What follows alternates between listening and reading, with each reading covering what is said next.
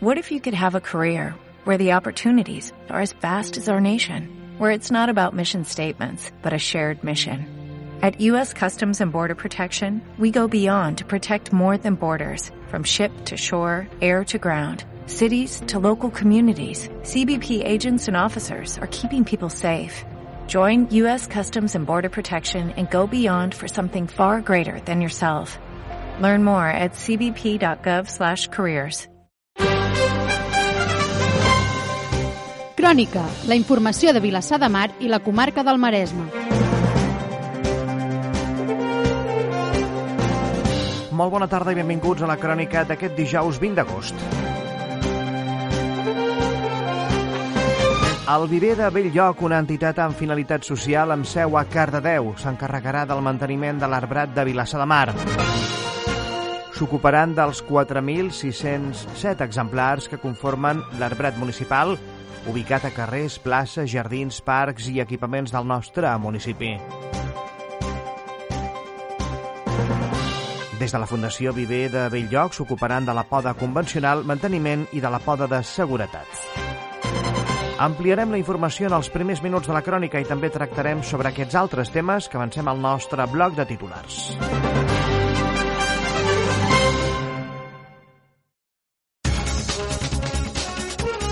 L'Hospital de Mataró ha posat en marxa una prova pilot per citar a través del mòbil via SMS les persones que s'han de fer una anàlisi de sang. Adif està avançant en la primera fase de les obres d'infraestructura necessàries per adaptar l'esquema de vies d'estacionament d'ample convencional de l'estació de Barcelona-Sants. Això tindrà afectacions en el trànsit dels trens, en concret aquest cap de setmana, entre tres quarts de 12 de la mitjanit d'aquest divendres i les 5.15 del matí de dilluns que ve. El servei de Rodalies de la R1 acabarà el seu trajecte a l'estació de Plaça de Catalunya i no continuarà fins a l'estació de Sants.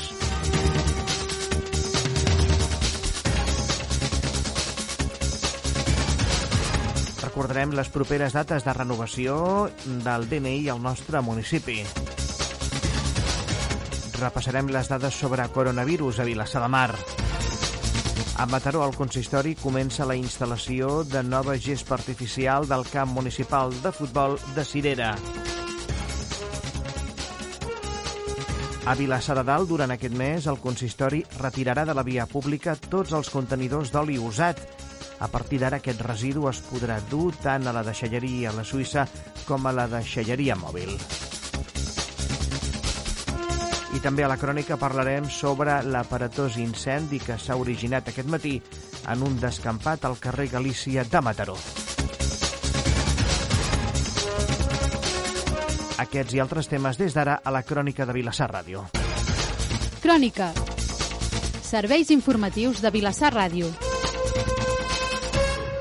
Encetem la crònica d'aquest dijous. Joan Escofet, salutacions. Bona tarda, Robert. Avui dediquem els primers minuts del nostre informatiu a parlar sobre l'entitat Viver de Belllloc.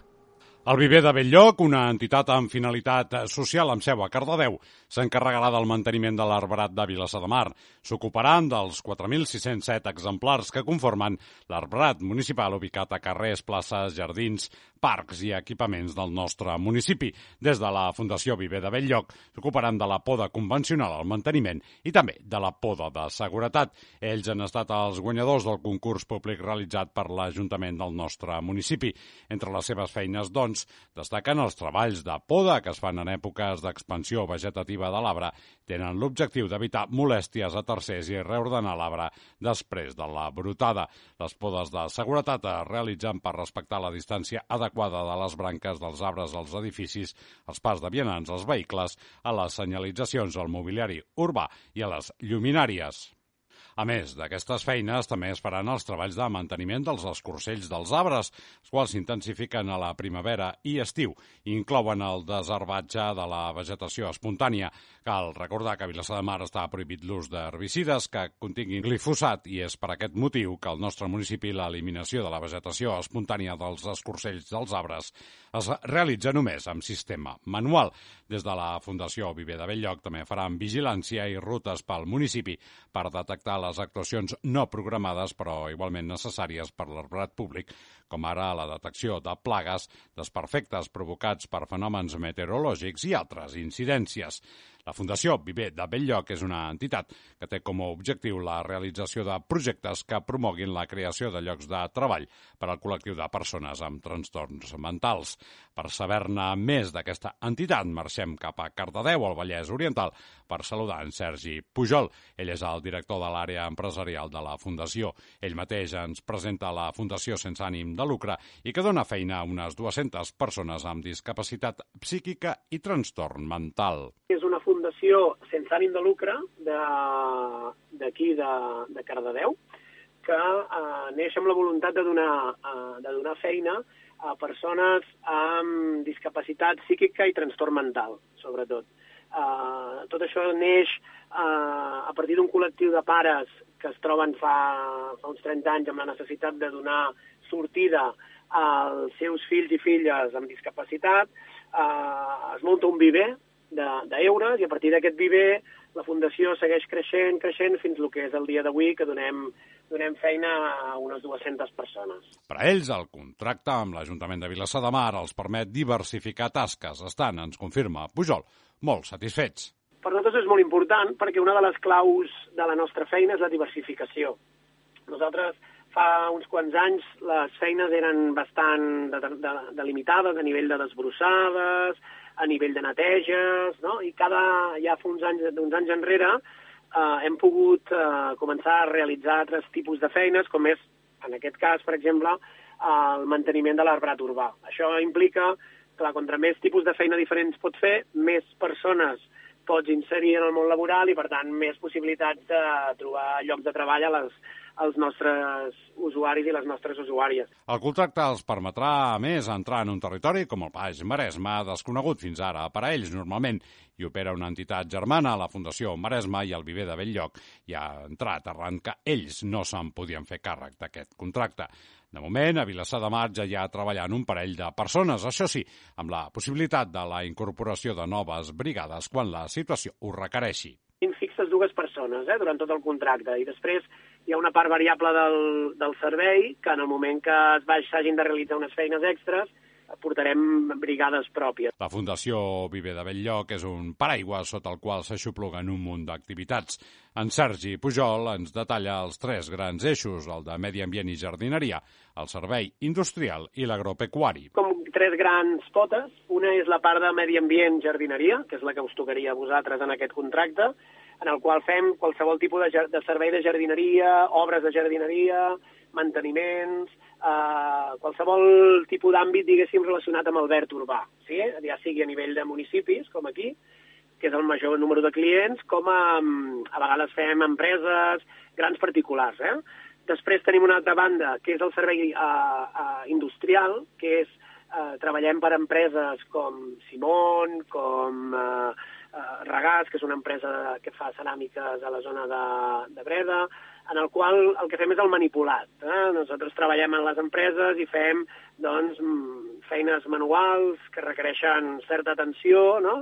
i que i solen ser generalment repetitives, eh, doncs això, ens dediquem a anar a les empreses i fem aquestes feines, o les fem en una nau pròpia que tenim a, eh, aquí a, a Cardedeu, i després tenim una tercera pota, que és la, diguéssim, que és l'agropecuària, la, en el qual hi tenim la, una part de la nostra empresa, o som socis d'una empresa que es diu La Tabella, que fa cistelles ecològiques, i, a més a més, tenim un galliner, i d'aquest galliner en fem ous ecològics. I és que, tal i com apunta el director empresarial de la Fundació, el treball dignifica aquest col·lectiu de persones amb discapacitat psíquica i trastorn mental.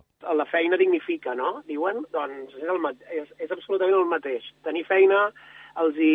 no només el fet de tenir feina, haver-se de llevar, haver de tenir uns hàbits, haver d'agafar una responsabilitat, fa que la seva situació es normalitzi al voltant de les altres persones que tenen al seu voltant, dels seus companys mateixos de feina, de, de, de la seva família, no? perquè al final doncs, estan, estan desenvolupant una tasca.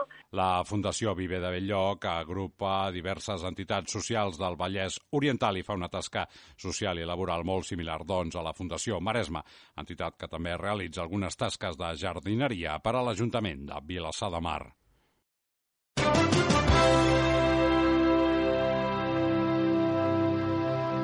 L'Hospital de Mataró ha posat en marxa una prova pilot per citar a través del telèfon mòbil per SMS les persones que han de fer-se una anàlisi de sang.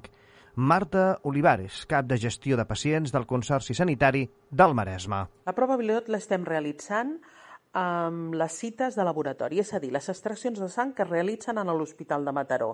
I en aquest sentit, estem enviant missatges de nova citació, de reprogramacions, canvis de dies i hores i també recordatoris, que en aquest cas s'envien tres dies abans de la cita. La previsió és que s'enviïn uns 600 missatges al dia eh, amb aquests tres conceptes que us deia, citació, reprogramació i recordatoris, i la prova també ens està permetent conèixer l'eina i també com respon la ciutadania davant d'aquest eh, tipus de missatges a través de l'SMS ha explicat per què l'hospital ha optat pel sistema de missatges SMS. Perquè es fa mitjançant un telèfon i un telèfon avui en dia és una eina que tenim tots o pràcticament tots al nostre abast. No?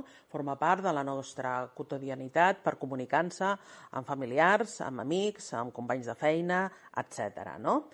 I, a més a més, doncs, eh, aquesta eina és una eina que està aprovada i validada, que s'utilitza en molts centres sanitaris i també altres organismes i empreses que realitzen citacions, no? com poden ser Hisenda o com poden ser la Inspecció Tècnica de Vehicles, per posar uns exemples. Durant els propers mesos, l'hospital ha de reprogramar més de 150.000 visites a causa de l'aturada que va acompanyar les setmanes més agudes de la pandèmia de la Covid-19 a fi d'agilitzar tot aquest procés i alhora estalviar el consum de paper, la citació per missatge SMS al telèfon mòbil s'ampliarà progressivament també a les visites als especialistes i altres proves diagnòstiques. La previsió per més endavant és que a finals de setembre anem ampliant aquesta comunicació eh, amb, altres, amb les visites i també amb proves. En el cas de les proves eh, és una mica més elaborat perquè requereixen preparació i potser hem d'adequar els missatges molt personalitzats per cada tipus de prova. La passada setmana es van reprogramar moltíssimes visites. Aquesta setmana passada hem realitzat una reprogramació de 5.000 eh, cites donat la nova realitat amb la que ens trobem a les sales d'espera, amb la que hem de garantir la distància de seguretat. Hem tingut que allargar l'horari d'extraccions fins a les 13.30 per tal de que no s'acumuli totes les persones a primera hora del matí per realitzar les extraccions en l'hospital. Olivares també ha explicat què passa si des de l'hospital detecten que l'SMS enviat no ha arribat al destinatari. Sí, sí, evidentment, ja ens hem trobat amb aquesta prova pilot, no? doncs de missatges que la eina que utilitzem per enviar-los ens avisa de que el missatge no ha arribat a l'usuari. Doncs, en aquest cas, el que fem és eh, dos coses. Si la cita és en un període inferior a un mes, doncs fem trucada per telèfon. Si la cita és superior a un mes, enviem carta per donar temps i garantir-se al màxim possible que aquesta carta arribi. En el cas de que la trucada per telèfon tampoc no aconseguim resposta, doncs enviem carta per intentar eh, que, que el pacient comuniqui o bé, si veiem que no podem comunicar, doncs canviem la cita per més endavant per garantir que la carta pugui arribar.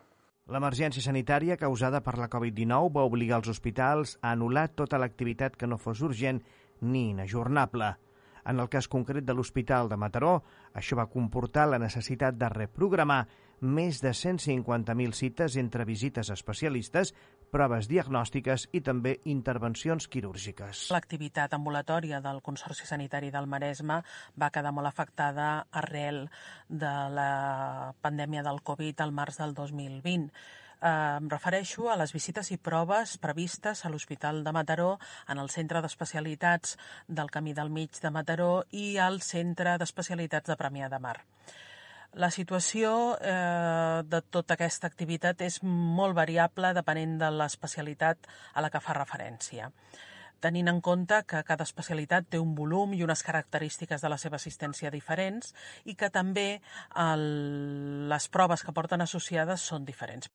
Des de l'hospital ens recorden que les persones que tenen programada des de fa mesos una visita o prova diagnòstica de cara als pròxims mesos no han d'anar al centre el dia i hora programats un professionals del Consorci Sanitari del Maresme es posarà en contacte amb ells per valorar personalment cada cas i reprogramar la cita. Estiguin atents a la, a la bústia, a les cartes i al telèfon, ja sigui per trucada o per SMS, eh, perquè els anirem informant. Tenim la previsió de que mitjans de setembre puguem començar a enviar recordatoris a totes les cites. Això donarà molta tranquil·litat a les persones perquè rebran una confirmació de que aquesta visita realment es realitzarà. El Consorci Sanitari del Maresme és una entitat pública formada pel Servei Català de la Salut, l'Ajuntament de Mataró i el Consell Comarcal del Maresme, que gestiona l'Hospital de Mataró, l'antic Hospital de Sant Jaume i Santa Magdalena, la residència Sant Josep i les àrees bàsiques de Mataró Centre i Cirera Molins a Mataró i també la d'Argentona. Crònica, la informació de Vilassar de Mar i la comarca del Maresme. Adif està avançant en la primera etapa de les obres d'infraestructura necessàries per adaptar l'esquema de vies d'estacionament d'ample convencional de l'estació de Barcelona Sants. La realització d'aquestes obres de les que parlem provocaran, atenció, una afectació en el servei de la línia R1 de Rodalies entre la nit d'aquest divendres i primeres hores del matí del pròxim dilluns. El que succeirà exactament és que entre 3 quarts de 12 de la mitjanit d'aquest divendres 21 d'agost parlem de la nit de divendres a dissabte, i un quart de sis del matí de dilluns 24 d'agost, dilluns de la setmana que ve, el servei de rodalies de la R1 de Renfe finalitzarà trajecte a l'estació de Plaça Catalunya i no continuarà fins a l'estació de Sants, per la qual cosa els usuaris hauran, si és que ho necessiten, d'agafar altres transports públics com el metro o bé l'autobús.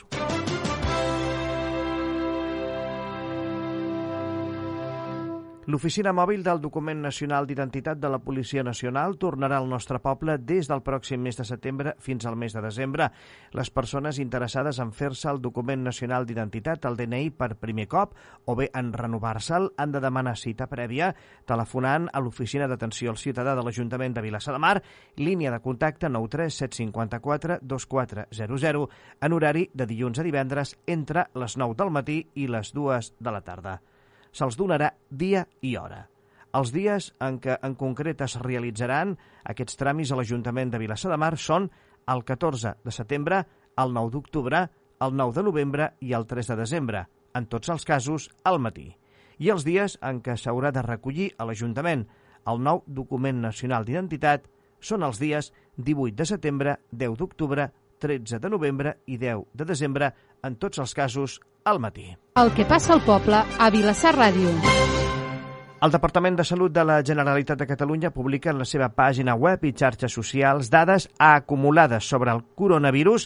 Per Vilassar de Mar dona com a xifra aquest dijous al matí un total de 199 casos de coronavirus positius confirmats en prova diagnòstica des de l'inici de la pandèmia. Això vol dir un cas més que ahir dimecres. El Departament de Salut de la Generalitat també dona compte que hi ha 1.663 casos possibles d'infecció de coronavirus, és a dir, 23 més que dimecres. Són dades acumulades des de l'inici de la pandèmia. Pel que fa a aquests últims casos, es tracta de persones que presenten símptomes i que sense prova diagnòstica feta, un professional facultatiu classifica com a possible cas. Informació de serveis. La farmàcia que té la guàrdia aquest dijous a la nit a Vilassar de Mar és la farmàcia Vilassar. Està situada al carrer Sant Josep, número 85. El seu telèfon de contacte és 93 759 09 41. Crònica, la comarca. Mataró, el Servei d'Equipaments Municipals de la ciutat ha començat fa pocs dies les obres de renovació de la gespa artificial del camp municipal de futbol del barri de Cirera. L'antiga gespa va instal·lar-se el 2009 i ja havia sobrepassat el seu període de vida útil. La nova gespa s'instal·larà sobre una làmina impermeable de polietilè i serà de monofilament nervat i fibrilada recta de 60 mil·límetres d'alçada. En total s'instal·laran 5.968 metres quadrats.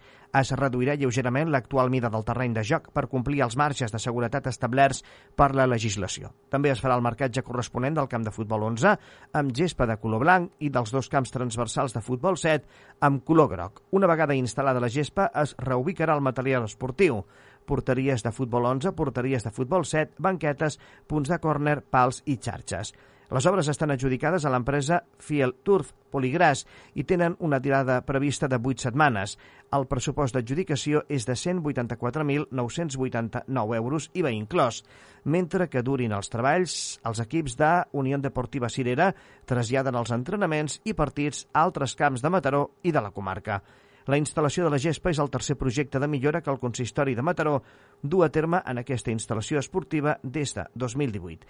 Amb l'actuació que s'acaba d'iniciar fa poc, s'hauran invertit a l'equipament més de 630.000 euros. El 2018 es va dur a terme la reforma dels vestidors.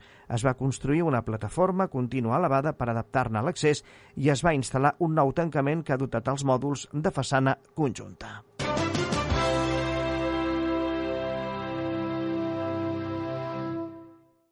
Més coses. Durant aquest mes d'agost, l'Ajuntament de Vilassar de Dalt retirarà de la via pública tots els contenidors d'oli usat. A partir d'ara, aquest residu es podrà dur tant a la deixalleria La Suïssa com a la deixalleria mòbil a causa de la insalubritat que presenten els contenidors de recollida d'oli domèstic usat, tant per un servei poc eficient de l'empresa que presta el servei, com també per l'incivisme d'alguns veïns que no els utilitzen directament. L'Ajuntament de la veïna localitat de Vilassa de Dalt, com dèiem, ha optat per retirar a partir d'aquest mes els contenidors dels carrers i gestionar els olis usats a través de la deixalleria mòbil o la deixalleria la Suïssa.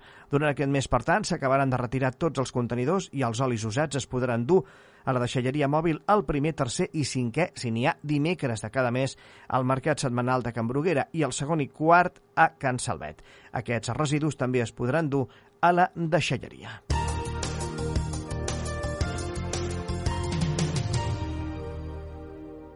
Deixem Vilassar de Dalt i anem cap a Mataró. Aquest matí s'ha originat un aparatós incendi al carrer Galícia, al barri de la Llantia de Mataró. El foc ha aparegut en un descampat davant de la deixalleria on hi ha una zona amb alguns horts i està cremant vegetació. Els bombers han rebut l'avís a les 10.47 del matí i han enviat nou dotacions de bombers que estan treballant en la seva extinció. La policia local s'ha personat per fer tasques de control i no es pot accedir al carrer mentre dura l'operatiu dels bombers. El foc ha provocat una enorme torre densa de fum que es veu fàcilment pel veïnat de la zona per la seva espectacularitat. Es desconeixen els motius pels quals han arrencat les flames i quins danys materials i personals ha pogut provocar.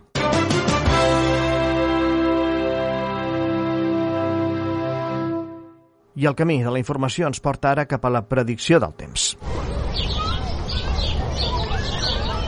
Vilassar Ràdio, serveis informatius. El temps. Des del Servei Meteorològic de Catalunya, Pere Cladera ens descriu quina és la previsió del temps que ens espera de cara al que queda de dijous i també per aquest pròxim divendres. Molt bon dia. Continuem immersos dins aquesta situació meteorològica de tranquil·litat pràcticament absoluta, només amb alguns intervals de núvols baixos que durant el matí han afectat alguns punts del litoral sud, però amb tendència que han anat minvant. En tot cas, de cara a aquesta pròxima nit i matinada en tornaran a aparèixer en aquests mateixos sectors i demà matí ens despertarem amb aquests intervals de núvols a bona part de la façana litoral. La tendència és que avui la temperatura pugui ser una mica més elevada i els valors més elevats es donaran cap a les comarques de Ponent on es podrien arribar a fregar els 37, puntualment 38 graus i demà aquesta temperatura encara pot ser una miqueta més elevada. Tornarem a tenir els mateixos valors elevats cap a Ponent i és en aquests punts on es poden arribar a 38, puntualment 39 graus. De fet, hi ha un avís del Servei Meteorològic de Catalunya per superació del llindar de temperatura extrema. Demà continuarem parlant d'ambient força assolellat, a excepció d'aquests punts del litoral on durant bona part del matí hi haurà intervals de núvols baixos. I de moment això és tot des del Servei Meteorològic de Catalunya. Gràcies, Pere, i serà fins la propera edició de la Crònica. Avui al nostre informatiu hem explicat, entre altres qüestions, que el Viver de Belllloc, una entitat amb finalitat social amb seu a Cardedeu, s'encarregarà del manteniment de l'arbrat de Vilassa de Mar. S'ocuparan dels 4.607 exemplars que conformen l'arbrat municipal ubicat a carrers, places, jardins, parcs i equipaments de la nostra població. Des de la Fundació Viver de Belllloc s'ocuparan de la poda convencional, manteniment i de la poda de seguretat. L'Hospital de Mataró acaba de posar en marxa una prova pilot per citar a través del telèfon mòbil via SMS les persones que s'han de fer una anàlisi de sang. Durant els pròxims mesos, l'Hospital de Mataró ha de reprogramar més de 150.000 visites a causa de l'aturada que van acompanyar les setmanes més agudes de la pandèmia de la Covid-19. A fi d'agilitzar tot aquest procés i al mateix temps estalviar consum de paper, la citació per missatge SMS s'ampliarà progressivament a partir del mes de setembre. Adif està avançant en la primera fase de les obres d'infraestructura necessàries per adaptar l'esquema de vies d'estacionament d'ample convencional de l'estació de Barcelona-Sants.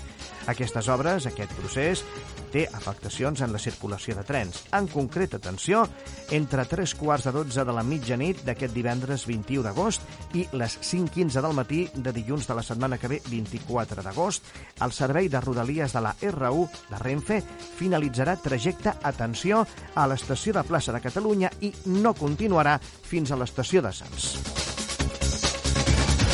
Hem recordat les properes dates de tramitació del DNI al nostre poble des de setembre i fins a finals d'any. També hem repassat les dades sobre coronavirus al nostre municipi que facilita el Departament de Salut de la Generalitat de Catalunya. A Mataró, l'Ajuntament comença la instal·lació de la nova gespa artificial del camp municipal de futbol de Cirera. Durant aquest mes d'agost, l'Ajuntament de Vilassar de Dalt retirarà de la via pública tots els contenidors d'oli usat. A partir d'ara, aquest residu es podrà dur tant a la deixalleria de la Suïssa com a la deixalleria mòbil. I de Vilassar de Dalt novament cap a Mataró, perquè a la crònica hem parlat de l'incendi que s'ha originat aquest dijous al matí al carrer Galícia de la capital de la nostra comarca. Us han acompanyat Robert Maza i Joan Escofet. Acaba aquí la crònica. Us esperem la propera edició. Crònica. Serveis informatius de Vilassar Ràdio.